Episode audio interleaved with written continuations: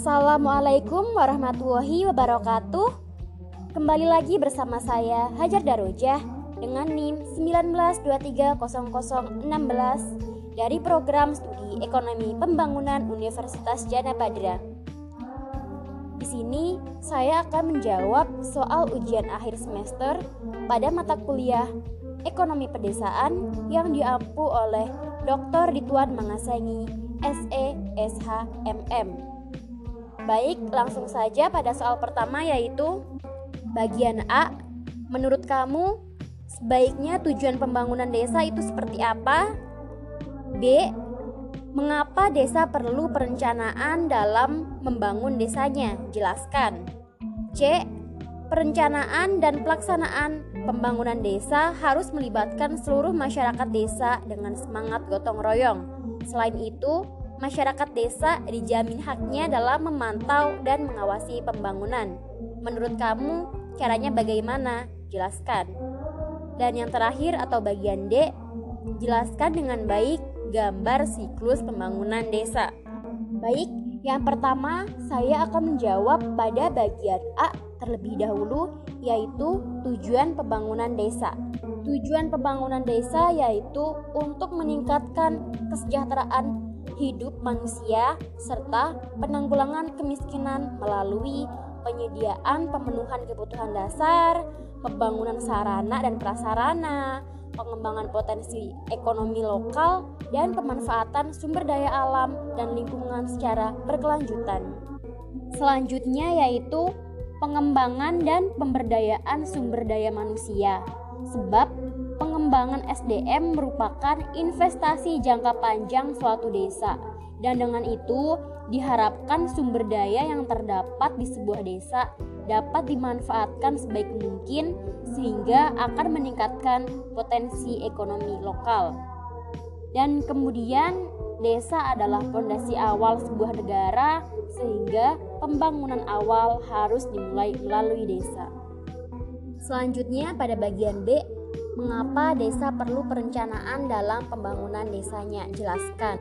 Undang-Undang Desa dalam pasal 79 mensyaratkan keharusan pemerintah desa untuk melaksanakan perencanaan pembangunan desa dalam rangka menyusun visi bersama membangun desa antara masyarakat dan pemerintah desa.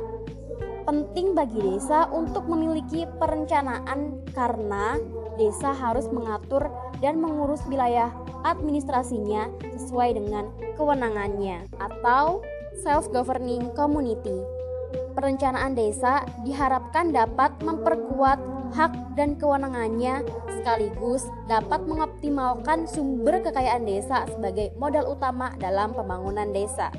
Selanjutnya pada bagian C dalam pasal 80 Pasal 81 dan Pasal 82 Undang-Undang Desa mengharuskan perencanaan dan pelaksanaan pembangunan desa melibatkan seluruh masyarakat desa dengan semangat gotong royong.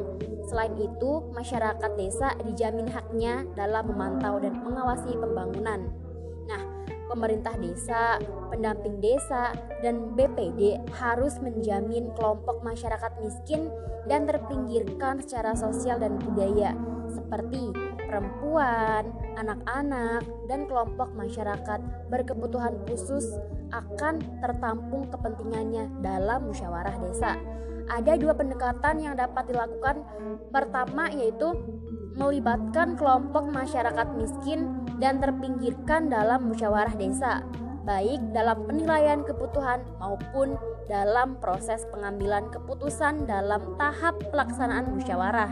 Kemudian yang kedua, bila ada hal-hal yang menghambat kelompok miskin terlibat dalam proses akibat keterbatasan akses, kapasitas dan apatisme, maka BPD dan fasiliator harus memperjuangkan kepentingan peningkatan kesejahteraan kelompok miskin dan terpinggirkan.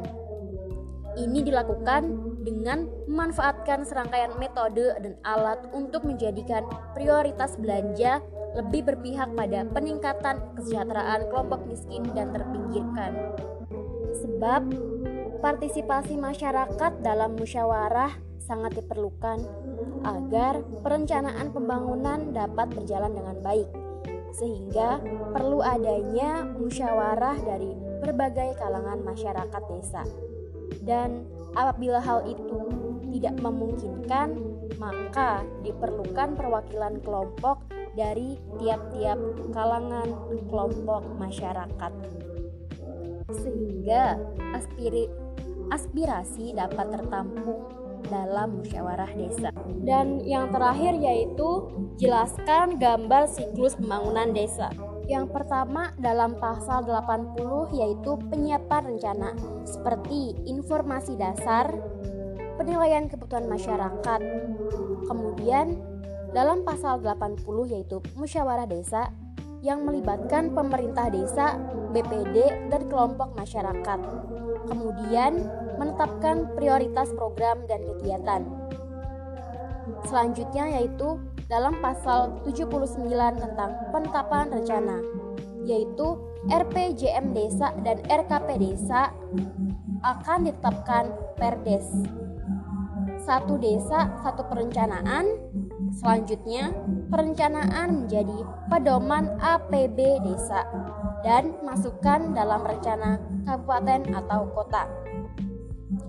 Selanjutnya dalam pasal 72, 73, dan 75 mengenai penetapan APBD desa yaitu ditetapkan dalam Perdes. Selanjutnya, konsolidasi penerimaan dan pengeluaran alokasi harus sesuai dengan kebutuhan pengembangan dan selaras dengan prioritas kabupaten. Dalam pasal 81 yaitu pelaksanaan pembangunan harus melibatkan seluruh masyarakat dan lembaga masyarakat yang dilaksanakan secara swakelola. Masyarakat berhak memperoleh informasi, memantau, dan melaporkan.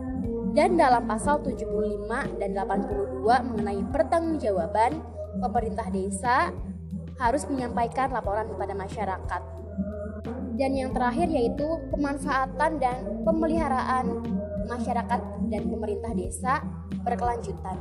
Baik, hanya ini yang dapat saya sampaikan. Kurang lebihnya saya mohon maaf. Wassalamualaikum warahmatullahi wabarakatuh dan berjumpa lagi di podcast selanjutnya. Terima kasih.